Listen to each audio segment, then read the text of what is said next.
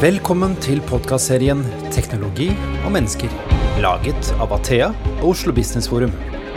Vi har samlet de beste eksemplene på teknologi og digitalisering. Hvordan fikk de det til, og hva kan vi lære av dem? Da er vi tilbake med en ny episode i podkasten Teknologi og mennesker. Mitt navn er Christian Brostad. Aller først, tusen takk til alle dere som lytter til oss hver eneste uke. Det setter vi veldig stor pris på. Og så det vanlige tipset. Hvis du abonnerer på oss, så kommer altså episoden rett inn i podkastspilleren din eh, når det kommer en ny. I denne episoden så skal vi dykke ned i fremtidens skipsfart. Vi snakker bærekraft, digitalisering, autonome skip, store datamengder og elektrifisering. Som nasjon så har vi jo høye klimaambisjoner, og spørsmålet er om det går fort nok. Ukens gjester det er Ove Skaug Halsos, som er partner i Oslo Economics, og så har vi Heidi Volden, som er administrerende i Norled. Velkommen til dere. Tusen takk. Takk. Uh, og du er jo med oss fra Stavanger. Hvordan er, uh, hvordan er si, været? Når vi publiserer dette, så er det vel været irrelevant, men hvordan går det i Stavanger? Været er flott i Stavanger. Det er en uh, fin dag på sjøen, så det er, det er veldig bra. Ja. når, I researchen her så, så dykka jeg litt ned i hvem Norled er. og til min store overraskelse, da kan det, si, kan det være fordi at jeg kjører lite båt, da. Men eh, dere er ganske store. Men uh, for de av lytterne våre som ikke har hørt om dere før, Heidi, uh, hvem er dere? Ja, kort om oss, da, så er vi et ferge- og hurtigbåtrederi med ansatte og fartøy langs hele Norges kyst. Fra Oslo i sør til Tromsø i nord. Og vi har en lang historie. Vi har røtter tilbake helt til 1855. Og så har vi alltid vært opptatt av innovasjon og utvikling. Eh, og vi har jo et samfunnsoppdrag eh, knytta til infrastruktur og transport av både mennesker og varer. Eh, og når vi starta tilbake i 1855, så var utfordringen å binde by og land sammen. Og vi bidro med nye fartøystyper som ga en regularitet, der folk kunne stole på oss. Nå, som et av de største ferge- og hurtigbåtrederiene i Norge, så er utfordringen å sikre velfungerende transportsystem, samtidig som utslippene reduseres drastisk. Det er veldig viktig for oss. Og så kan jeg også legge til at Vi driver med turisme og opplevelser og tilbyr flere charterturer og hurtigbåter for norske og utenlandske turister. Og Vi er i dag i underkant av 1000 ansatte. Hmm. Ganske stort. Eh, hva er ditt forhold til eh, Nordled, Ove? Ja, altså Vi har kontorer eh, ved siden av rådhuset i Oslo. Så vi sitter og ser ned på Nesoddbotn, som går, kommer og går daglig. Og som er en sånn institusjon i Oslo. Ellers så har jo vi i Oslo Economics har jo jobbet mye med ferjemarkedene, så vi kjenner jo også egentlig, vi kjenner nordmenn ut og inn, vil jeg si. Det lover godt for denne episoden, da. Eh, Heidi, dere, dere skriver jo at uh, dere har miljø og innovasjon som uh, kjerneverdier. Hva, hva, er det egentlig legger i det? Ja, vi, vi har snakket litt om uh, samfunnsoppdraget, det viktige samfunnsoppdraget. men vi har òg et ansvar og mulighet til å sørge for bedre, mer effektiv og mer miljøvennlig transport. Eh, og innovasjon det ligger virkelig i selskapet sin DNA. Vi har eh, fremsynte eiere og medarbeidere som har turt å tenke nytt over eh, tid. Så for å gi noen eksempler da, så har vi lang tradisjon med å komme med nye fartøystyper.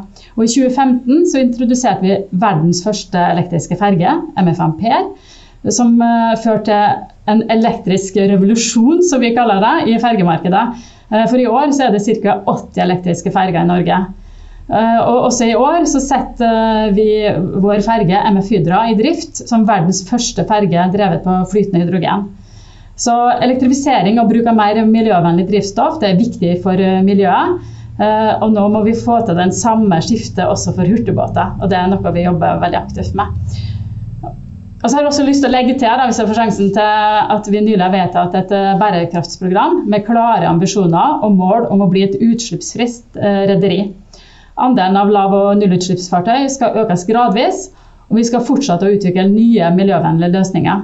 Og vi ser det som, For å bli litt håndfast uh, for uh, What you measure gets done, det er ikke det de sier på engelsk. Uh, vi ser at det er innenfor rekkevidde å ha en portefølje på 65% null- og lavutslipp i 2030.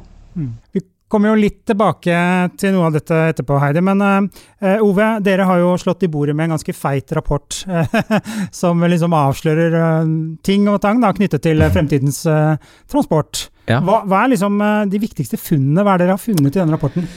Altså, jeg kan jo først si litt om hva oppdraget gikk ut på.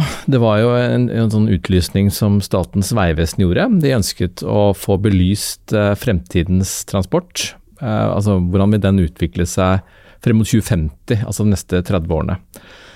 Og det er jo et utrolig stort spørsmål.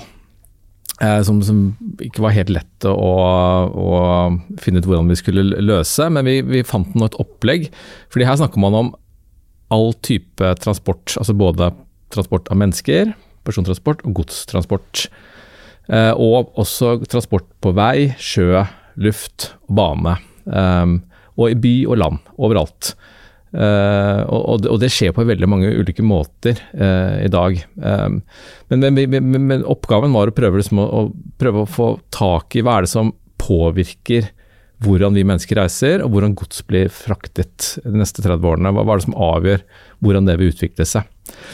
Uh, og da startet vi, bare sånn for å få en feeling på hvor, hvor, hvor lang tid er 30 år, så startet vi med å se oss 30 år tilbake først. hva har skjedd? Eh, de siste 30 årene med transport av mennesker og, og gods um, på, på, på, vei og på bane og sjø um, og luft. Da. Og da fant vi ut at det var overraskende lite, hvis man ser det veldig sånn overordnet. Og i hvert fall for, for, meg som er snart 50 år siden, så ble jeg liksom nesten litt overrasket over hvor altså at 30 år siden, det er 1990. Altså det er, så, det, er, det, er, ikke så, fryktelig lenge siden, føltes det som. Men det er ikke, det er ikke, det er ikke all verden som har skjedd um, uh, på, på, 30 år. Så, så, sånn sett er det ikke, selv om man skal se inn i fremtiden, så er det ikke sikkert verden blir snudd helt opp ned. Det er ganske mye sånn faste mønstre som, som, ligger der, uh, og 30 år på, på, dette feltet, i dette perspektivet, er ikke uendelig lenge. Men, men, det som har skjedd, er at det har blitt litt mer motorvei. Uh, og at vi, vi, reiser en god del mer, flyr veldig mye mer. Da. Noen sånne overordnede trekk.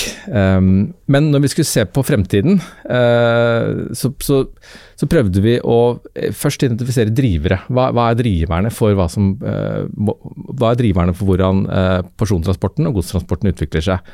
Og, de, og, så klarte vi å kategorisere disse driverne i tre hovedgrupper. den første gruppen det er det vi kaller demografi og kjøpekraft. Altså det at vi hvordan, hvordan, er befolkningsutviklingen? Hvor mange er vi? Hvor bor vi? Hvordan jobber vi? Hva er kjøpekraften?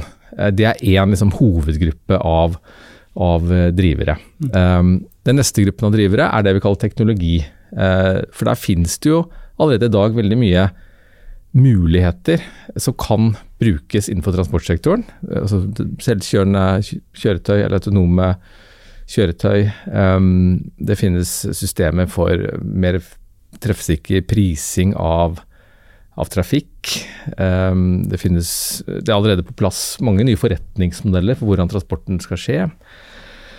Uh, men dette vil, om dette vil bli tatt i bruk eller ikke, det vet vi ikke så mye om. da. Og så masse selvfølgelig ny teknologi på utslipp, altså elektrifisering. Uh, men Den siste gruppen av vaner. Uh, dette, denne utredningen her gjorde vi jo for ca. et år siden, midt under eh, nedstengningen. Så da var det helt selvsagt at dette her kan jo ha betydning for hvordan vi reiser, ehm, hvordan vi som mennesker reiser, hvordan gods blir fraktet de neste 30 årene. Eh, og Det store spørsmålet er jo liksom, kommer vi til å endre vanene våre varig? Ehm, eller kommer vi til å gå tilbake til et sånt mønster før pandemien?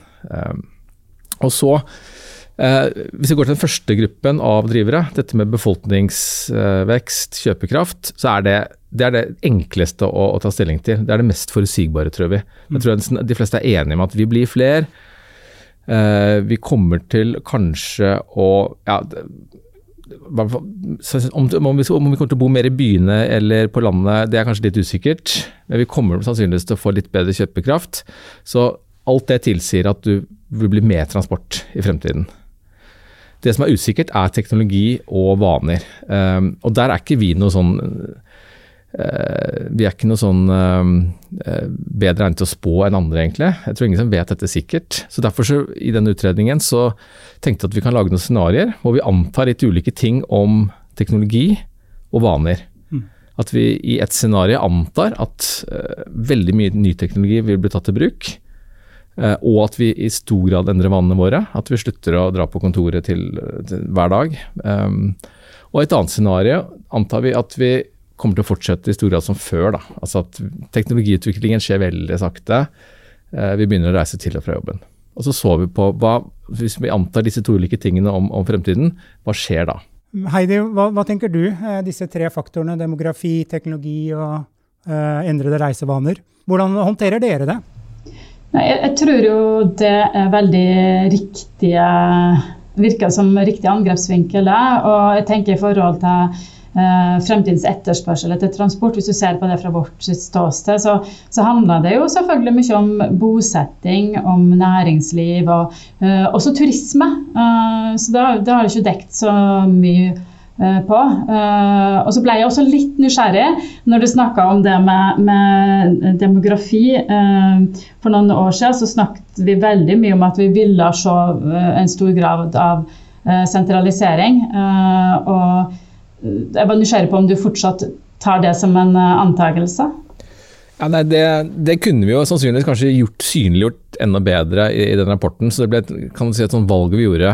Uh, at vi måtte velge to liksom, områder vi skulle, hvor vi mente at usikkerheten var størst. Da, og Det var teknologi og, og vaner. Men, men, jeg er enig i at dette med sentralisering kunne man uh, altså Der, der er det stor usikkerhet. Uh, og ja, eh, altså akkurat til nå så tyder jo mye på at den derre klare sentraliseringstrenden er litt sånn stoppet opp, da. Um, I hvert fall i Oslo. Jeg, jeg, kjenner ikke helt til hvordan dette er i hele landet, men i Oslo-området så er det jo ikke så, så, har jo befolkningen vært stabil i Oslo nå en stund, for første gang på veldig, veldig mange år. Da. Så jeg er helt enig at det er eh, Der er liksom fremtiden litt usikker. Men, men samtidig så er ikke det jeg er bare usikker på hvordan det vil påvirke eh, transportetterspørselen. Jeg vet ikke om du har noen tanker om det? Altså, hvordan tenker dere at det vil påvirke eh, hvordan, altså etterspørselen etter Nordledstjeneste f.eks.? Jeg tenker For vår del så er det jo viktig å være et um, effektivt uh, transport, in, effektiv del av infrastrukturen.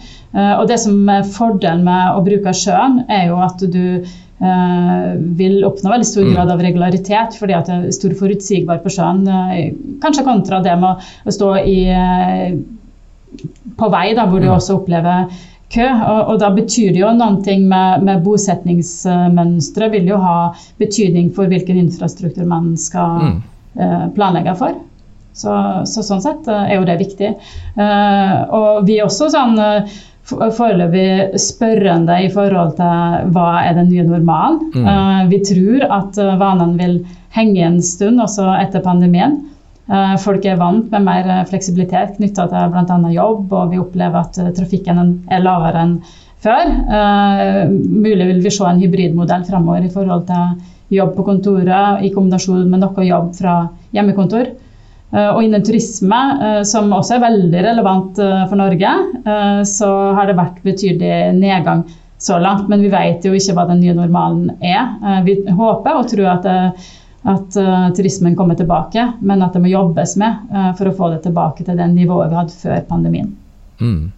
Vi kan jo avsløre. Det er, en, det er en svensk professor husker jeg ikke navnet på han, som sier at fremtiden tilhører byer og kvinner. Ja. Så jeg vet ikke. Men hva, når sa han det? Det sa han uh, for uh, et par år tilbake. Før pandemien? Mm. Ja, ikke sant. Det interessante var liksom om han ville sagt det samme nå, da. For det er jo Altså, når folk kan få seg et hus da, til samme pris som en liten leilighet i Oslo, uh, og de ikke trenger å bruke hele dagen på å stå i kø fordi de ikke trenger å være på jobb hver dag, så, så det, det, endrer måte, nyttefunksjonen til, til folk, da. Mm. Og uh, sånn sett kanskje folk ønsker, ønsker, seg litt andre ting, da. Kanskje også Ja. ja uh, Nei, så, så det, det, det, skulle gjerne vært morsomt å ha han i studiet her, da, han ja, professoren. hørte, ja, nei, man vet jo ikke, og det er jo så vanskelig å spå. Ja. Liksom, eh, Men Kan jeg spørre deg om noe, Heidi? Altså, fordi vi satt jo, når vi satt og gjorde den utredningen, så var det jo det var midt i pandemien, det var akkurat et år siden. Uh, og det var vel Ja, man hadde ikke begynt liksom å gå tilbake til kontorene ennå. Så, så, vi, var veldig sånn, vi gjorde noen sånn enkle anslag, da, hvor vi prøvde liksom å finne ut av hvor mange er det som kan ha hjemmekontor, hvor stor del andel av, av, altså av de som jobber Det er jo ikke alle som kan ha hjemmekontor, men vi fant ut at ca. en tredjedel kan ha hjemmekontor. Og så er det en hvor mange av de igjen å, eller hvor ofte kommer de igjen, den gruppen igjen til å reise tidlig fra jobb. Så vi kom vel frem til at noe sånt som kanskje sånn 15 reduksjon, 20 reduksjon i, i, arbeidsreiser kunne man forvente da, hvis, hvis disse vanene satte seg. Men har dere noen sånn tall på det som er offentlig kjent, hvordan dette har vært eh, for dere, liksom? Og så er det nå som verden har åpnet litt opp igjen? Mm, flere av våre oppdragsgivere har jo jobba med nettopp det og sett på det. og eh, jobber jo langs ulike scenarioer. Så, så foreløpig er vi vel mer på scenariostadiet, hvor ett av de er sånn 15-20 Eh, så, men det handler jo også om hvordan skal vi gå tilbake til den nye normalen. Hva er bra også i forhold til uh, Paris-målene? Uh, er det at alle skal reise med hver sin bil, eller, eller, ønsker vi å trekke det tilbake til kollektivtrafikken? Så mm. vi, må jobbe, vi, vi, må jobbe hardt med det for å trekke folk tilbake, um, mm. tenker jeg også. Vise at, de, at det er fungerer godt. da. Så, men vi ser på ulike scenarioer. Mm. Vi vet ikke helt hva det nye normalen er ennå. Men, uh, mm. Eh, du nevnte jo så vidt Heidi, dette med, med klimamålene. og Vi har jo ganske ambisiøse mål på um, klimautslipp. Uh, minst halvere utslippene innen 2030. Uh, og transportsektoren, kanskje vei verst, da, men transportsektoren står jo for mye av disse utslippene. Eh, hvis du skal liksom beskrive litt hvordan det, hvordan det, står til i bransjen, går det for tregt? ja, um, et, ja, tempoet er kjempeviktig, uh, tenker jeg. Og det handler ikke bare om uh, min næring og, og, den maritime næringen, men det handler jo faktisk også om å beholde konkurransekraft i forhold til uh, Europa og, og, resten av verden. Så men for oss så er det viktig at vi sørger for at vi som selskap blir utslippsfrie. Og at vi utvikler og tar i bruk teknologi som sørger for at vi stadig kan redusere utslippene. Eh, og da tror jeg også at vi som bransje må dele erfaringer og dra i samme retning. Eh, jeg tror at alle nye fergeanbud med lange kontrakter kommer til å bli krav om lav- og nullutslippsløsninger fremover. Det er også sagt politisk. Det neste for oss er hurtigbåtene, som har et veldig stort eh, CO2-fotavtrykk eh, per passasjer. Eh, og her er utslippene for høye, og teknologien er ikke på plass. Så vi lanserte i høst et konsept for en batteribytterobot som vi mener kan løse CO2-utfordringen for hurtigbåt. og jeg kan kort fortelle om konseptet, hvis det er interessant. Ja, ja, ja det er interessant. Ja. Så Konseptet er at på tre minutter så skal batteripakken og fartøyet være klar for eh, videre seilas. Eh, og det er den tida det tar at folk går av og på båten. Eh, og båten kan da seile videre med en hurtig fart, dvs. Si 30-35 knop.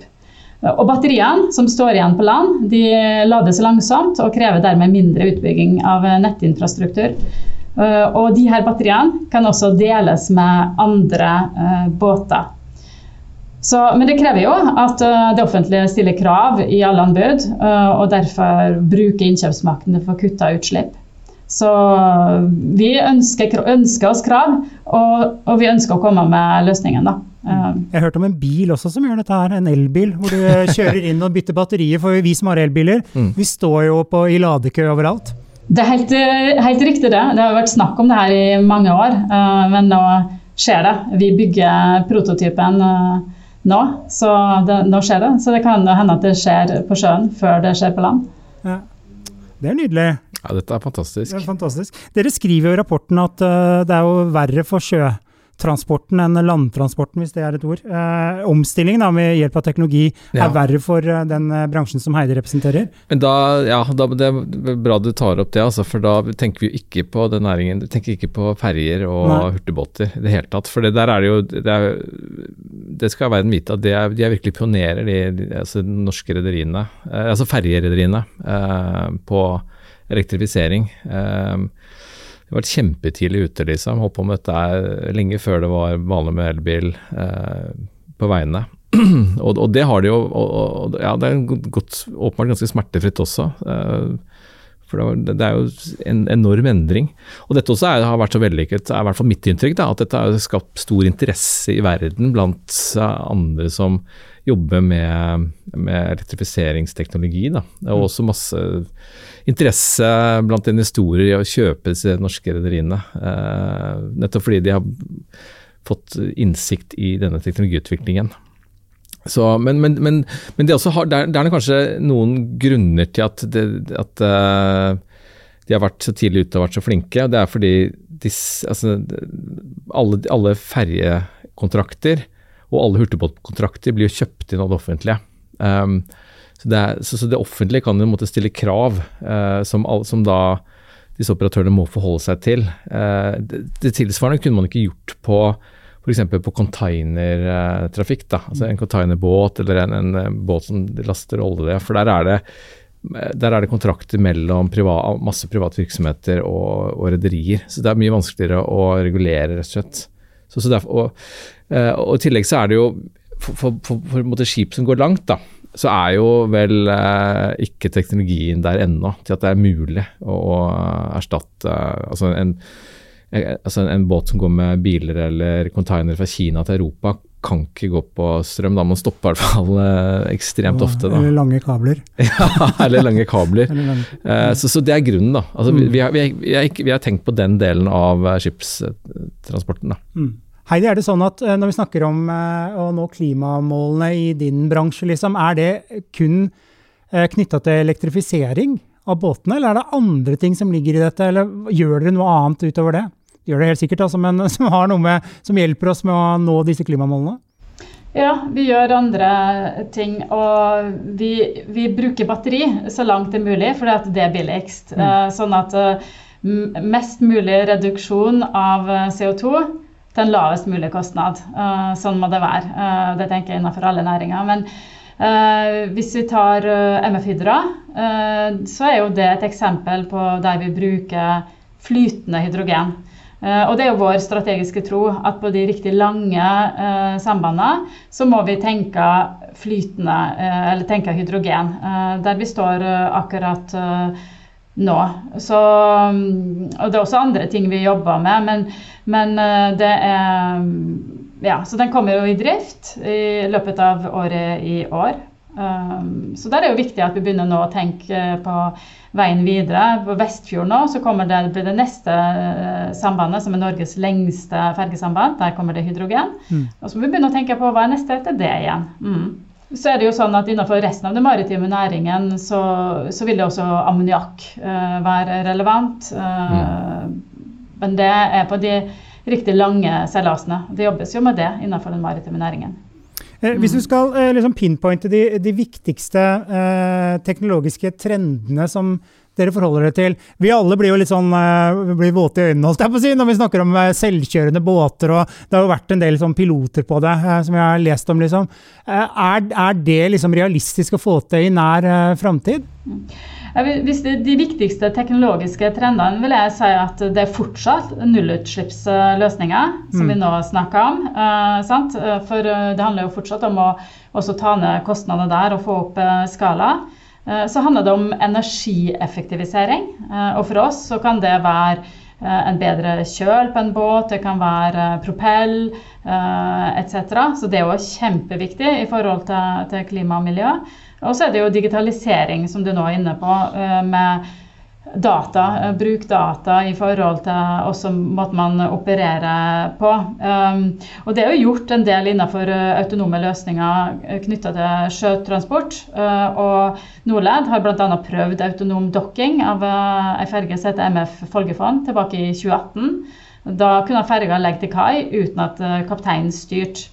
Eh, også med den batteribytteroboten som jeg nevnte litt tidligere, så, mm. så jobber vi med bytting av batteri eh, ved hjelp av en robot og vil være helt autonom. Så er det, er det jo sånn at eh, fjernstyring og autonomi eh, innenfor sjøtransport er enklere å gjennomføre for transport av varer enn for transport av mennesker. Mm. Det er et annet sikkerhetsaspekt. Så, men digitalisering er jo et område vi satser mye på. Vi er overbevist om at ferge og hurtigbåter vil ha mannskap om bord i lang tid fremover eh, ennå. Ikke alt kan fullautomatiseres, men eh, for flere operasjoner så kan det gjøre det. Så det må jobbes videre med å finne ut hvilke som bør prioriteres og være nyttige da, i så måte. Og så tenker jeg at målet med digitalisering også må være å øke sikkerheten og forenkle arbeidshverdagen til de som jobber om bord. Så det er viktig å ha med oss folka eh, inn i teknologiutviklingen. Vi, vi stoler, eh, jeg bare fikk en sånn referanse her til eh, disse selvkjørende bussene som mm. har vært litt her og der. Og for å være på sikre siden, så har man folk på bussen. Ja. Altså ikke passasjerer, da, men en som passer på at bussen ikke gjør noe den ikke skal gjøre. da. Er det litt sånn at vi, eh, vi stoler ikke helt på teknologien? Heidi? Vi, vi, er nødt til å være helt sikre uh, den dagen vi tar i bruk uh, teknologi som, uh, som, handler om, ja, som, handler om, sikkerhet, rett og slett. Sånn at at vi må ta det gradvis. og Det er derfor vi må ha en sånn stegvis plan. Da, sånn at vi kan gjøre operasjonene stadig lettere og lettere, tenker jeg. Så, og det finnes jo eh, øh, eksempler nå, sånn som Yara Birkeland, ikke sant? Asko. Eh, hvor de, er, det er nok de som har kommet lengst, sånn sett. Uh, Selv de òg tar det stegvis, og da frakter vi ikke mennesker, men vi frakter varer. I den rapporten som, som, dere har skrevet, da, som jeg har, da, Du hører jeg har lest den! ja, det er nydelig. ja, feit blekke. Uh, men jeg, eh, jeg, må innrømme at jeg skumleser mye. Ja, ja, så, ja. Men der snakker dere bl.a. om nye forretningsmodeller mm. osv. I denne konteksten, hva, hva, er egentlig vi da snakker om? Altså det, altså vi har kanskje tenkt særlig på eh, personbil, da. Mm. Uh, delen av persontransport. At det er der uh, det ser ut til å allerede nå etablere seg en del nye forretningsmodeller. At, at, og det handler om at man går fra at hver enkelt husholdning eier sin egen bil, til at hver enkelt husholdning leier en bil, eh, eller abonnerer på en bil. Altså at det er noen andre som tar seg av eh, å eie bilen, og, og, og driften og vedlikeholde den osv. Så, videre. Så du, at du kan få samme type overgang som man har fått på musikk, da, ja, hvor man har gått fra å eie sine egne CD-plater eller LP-er til å abonnere på alt mulig musikk. da. Uh, og, det, og, det, ser vi allerede, i hvert fall der jeg bor i Oslo. Uh, det er ganske sentralt. Der ser du at de fleste bilene som er parkert rundt der jeg bor, er sånn bildelingsbiler. Uh, så, så, og, og, det vil jo, tror vi, da, bli billigere for folk å, å bruke bilen på den måten. For hvert fall i byene så er det jo utrolig mye biler som bare står uh, ubrukte i garasjen. Mm. Og det er veldig dyrt, da. Altså Kapitalkostnaden til en, en bil er helt sånn ja, ufattelig dyr. Jeg tror ikke folk liksom tar helt inn over seg det. da. Hvor mye penger de bruker på å ha en bil stående i garasjen som de ikke bruker. Uh, at, man, at man helt har tillatt seg det. at budsjettene husholdningsbudsjettene tillater seg, det er nok en, en, altså historisk betinget. Man er vant til at det er dyrt å ha, ha bil. da. Men derfor så tror jeg at det, dette vil kunne presse seg frem, i hvert fall i i byene hvor det er eh, kort vei, da, hvor, det, hvor, hvor sannsynligvis du kan få tak i en sånn bil eh, ganske raskt. Da. Mens hvis du skal litt ut av eh, byen, så er nok dette kanskje mindre aktuelt. Da. Mm. Uh, men dette er kanskje ikke så aktuelt på jeg tenkte jeg kunne spørre Heidi om, fordi ja. at uh, Veldig enkelt så er jo konseptet deres å transportere noen fra A til B på riktig tid. Eller uh, innenfor tid, den tidtabellen dere har. Da. Er det noen endringer i din bransje de sier jo at, uh, at, det er gjerne utdanningssektoren og helsesektoren som kanskje er minst eh, brydd med nye konkurrenter, da, selv om det skjer litt der. Men er det veldig er sånn hva, Skjer det noe i din bransje i det hele tatt, Heidi? Kommer det nye aktører som gjør, løser ting på andre måter, eller noe sånt? Vi skal alltid følge med på det, for jeg tror alltid det er mye, mye å lære av det. Men jeg kan også ta noen eksempler Eh, som, jeg, eh, som, skjer innenfor vår sektor eh, når det gjelder ladeinfrastruktur. Energy as a service er mm. noe Ruter snakker om. og de jobber med det for buss. og der tenker de det i forhold til at flere kan dele på lading. Sant? At Når ikke bussen står der og lader, så er den tilgjengelig for andre til å lade. Sant? Sånn sett så utnytter vi ressursene bedre. Og for vårt batteribyttekonsept, da, den type løsninger, så, så, eh, er det akkurat samme mulighet som er til stede. Og jeg tror at full utnyttelse av infrastruktur blir særlig viktig fremover for å få ned kostnader, og også for å utnytte energien. så absolutt. Eh, Du snakket så vidt om det i stad, Heidi, men det offentlige sektor har jo enorm innkjøpsmakt. Mm. Jeg har gått rundt og trodd at det er 500 milliarder i året, men jeg tror jeg så noe tall her tidligere i dag at det er faktisk 611 milliarder. Ja, det blir jo litt det mer, blir mer og mer offentlig sektor. da. Eh, mm. Å bruke den innkjøpsmakten har du jo nevnt, Heidi. Men eh, er, er, du fornøyd med, med, regjeringen og sånn? Her er det mulig å slå litt. Eh, på det Altså, er det nok hjelp, drahjelp, fra offentlig sektor for å få til dette skiftet, da? For vår del, altså, Det er både ja og nei. Eh, regjeringen har jo stilt krav om null- og lavutslipp for alle nye anbud for ferge fra 2023 eh, og for hurtigbåt fra 2025. Eh, og det er utrolig viktig og avgjørende for å lykkes. da. Og det offentlige med Statens vegvesen og de regionale transportselskapene har i flere sammenhenger vært svært fremsynte og stilt krav nettopp til miljøvennlige løsninger. Eh, og Likevel så må det jobbes for at dette skal fortsette. Ofte kan det være billigere å be om en tradisjonell teknologi og løsninger, og da kommer vi ikke fremover. Så tempo er viktig. Og det gis vi tenker også Virkemiddelapparatet er veldig viktig. De gir støtte til ny teknologi og piloter. Eh, men jeg tror vi må passe oss for at vi ikke blir best på pilot, og, mm. ikke så gode på, eh, på, fortsettelsen. Eh, det er jo de reelle utslippskutta som betyr noe, volumet. Så der er det mer å hente også for oss, særlig nå på hurtigbåter som kommer. Så Eh, så vi har eh, gode eksempler også på at det understøttes eh, gjennom type løsninger. Men skulle gjerne sett at det gikk enda fortere. Mm. Mm. Derfor valgte vi å gå ut veldig tidlig, også med det vi jobber med nå på, på batteribytte. Bare for å si at vi som næring, vi er klar. Så sett krav. Så så er vi klar. Hva tenker du, Ove? Er offentlig sektor potente nok? Altså det, det, er vanskelig å si noe sikkert om det. Jeg tenker at de har vært ganske offensive. Mm. At de ganske tidlig identifiserte altså innkjøp som et sånn virkemiddel for å, for å etablere skift. Da. Uh, og de har gjort det på, altså på, også andre områder hvor de kjøper inn veldig mye av de tjenestene som utføres. Um, og I tillegg så har de jo hatt utrolig rause Norske myndigheter har utrolig rause subsidier på bil, da, på privatbil. Kanskje for rause. Mm. Sånn at i hvert fall i byene så ser du at elbilen det blir for mye elbiler i, i veien. Altså det, de har ikke kanskje tatt inn over seg også kostnaden elbil påfører Altså påfører byene i form av trengsel. Da. Mm. Um, så, men der tror jeg altså det kommer til å skje noe. Uh, altså at de må altså Det kommer til å endre, endre de betingelsene. Fordi det er, det er ikke bærekraftig, da. Fordi, fordi de ser også, i hvert fall de som jobber med kollektivtransport i de store byene, ser jo at kombinasjonen av disse veldig rause elbilfordelene med pandemien, da, at folk har liksom ikke, ikke er liksom blitt redd for å ta bussen, eller, eller kanskje vil slutte av Eller brutt vanen med å ta det, mm. gjør jo at folk kjører på en helt annen måte. Uh, og det er, det er, skadelig. da. Uh, og, du ser at dette gjør at de, de taper inntekter i kollektivtransporten. Um, så, så noe må skje på det området, det er jeg helt sikker på. Mm. Vi nærmer oss slutten her, men jeg tenkte, Heidi eh, Fremtiden eh, jeg håper å si Det høres ut som et jobbintervju, men hvor er Norled om fem år, liksom? Hva, hva, er det du ser i krystallkulen?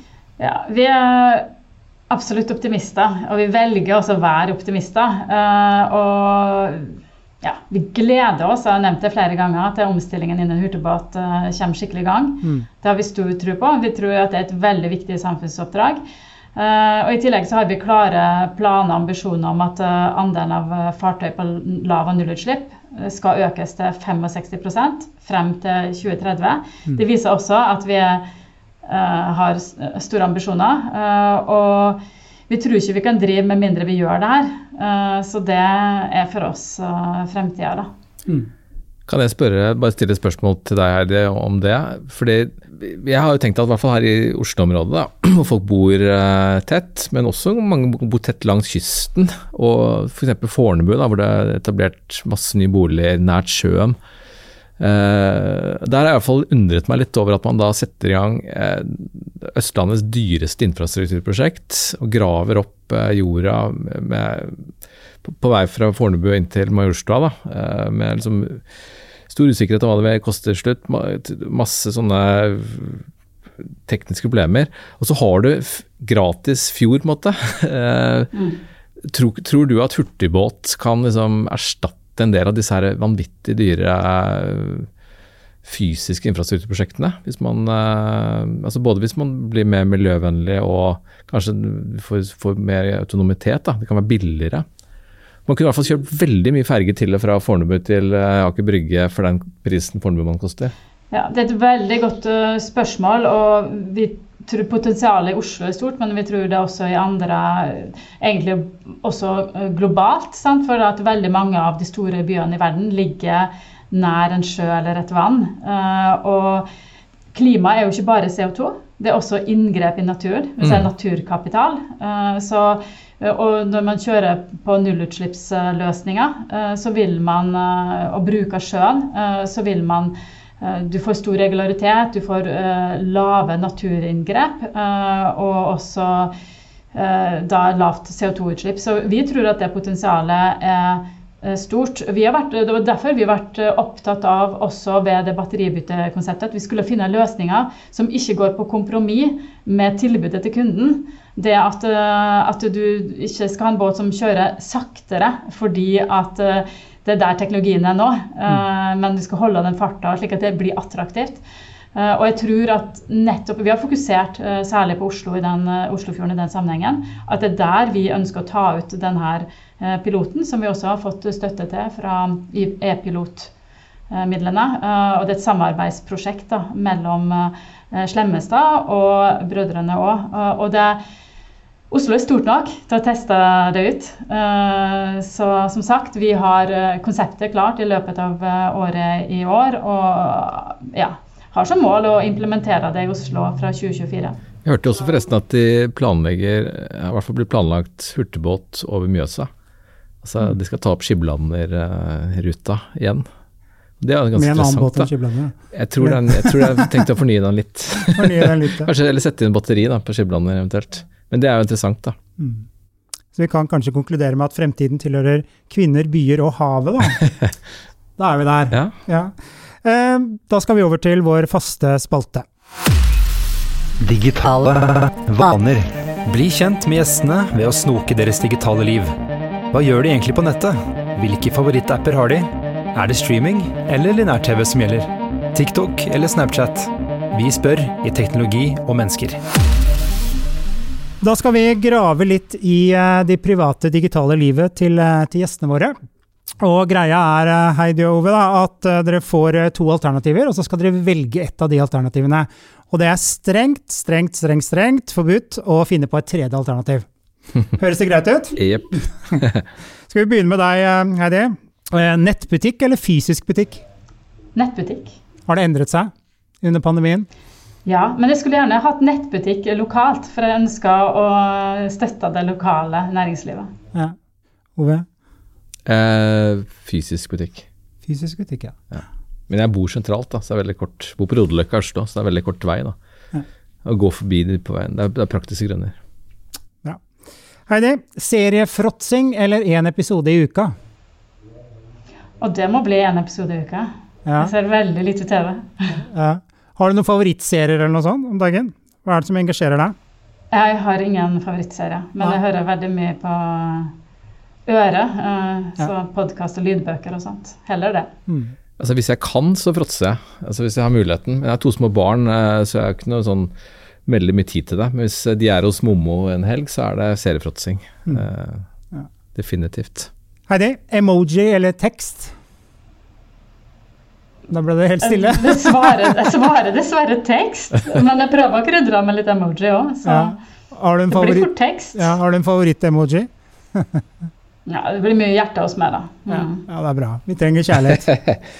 Jeg er også på tekst, samtidig så må jeg føle at det er, det er uunngåelig at man, man, kan ikke unngå å krydre teksten med noen emojis. Sånn, i hvert fall ja, På en arbeidsplass så er det helt nødvendig for flyten, altså. At man skal signalisere liksom, ja, Ja. ting effektivt. Er det mye hjerte i Oslo Economics? Det er litt hjerte, det er det. Det er bra. Jeg liker dere, altså. Ja. Nest siste her, eh, er det Instagram eller TikTok? Instagram. Er du på TikTok? Føl ser du hva som foregår Nei, men jeg har jo, jeg, jeg har jo uh, ungdommer som jeg kjenner til og har ei datter, så jeg, jeg får jo med meg litt. Ja, det, det er jo sånn pest og kolera, da, men uh, da er det jo Instagram. Instagram. Ja. Da er det siste. Heidi, smarthjem eller bare hjem? Hva er bare igjen? Det er uten noe Det er bare vann og elektrisitet. Ingenting som er kobla til nett. Jeg har ikke et smarthjem, men jeg skulle gjerne hatt det. Ja. Det høres spennende ut. Jeg tenker det samme, altså. At eh, det høres fint ut. Jeg har det ikke, jeg heller. Men uh, hvis noen hadde koblet opp med meg Ja. og, og passa på og vedlikeholdt det ja. Da er det veldig mye sånn rett ut av boksen. Plug and play. Så det er jo Ja, det er jo blitt Verdt å prøve. enklere. Ja. Veldig bra.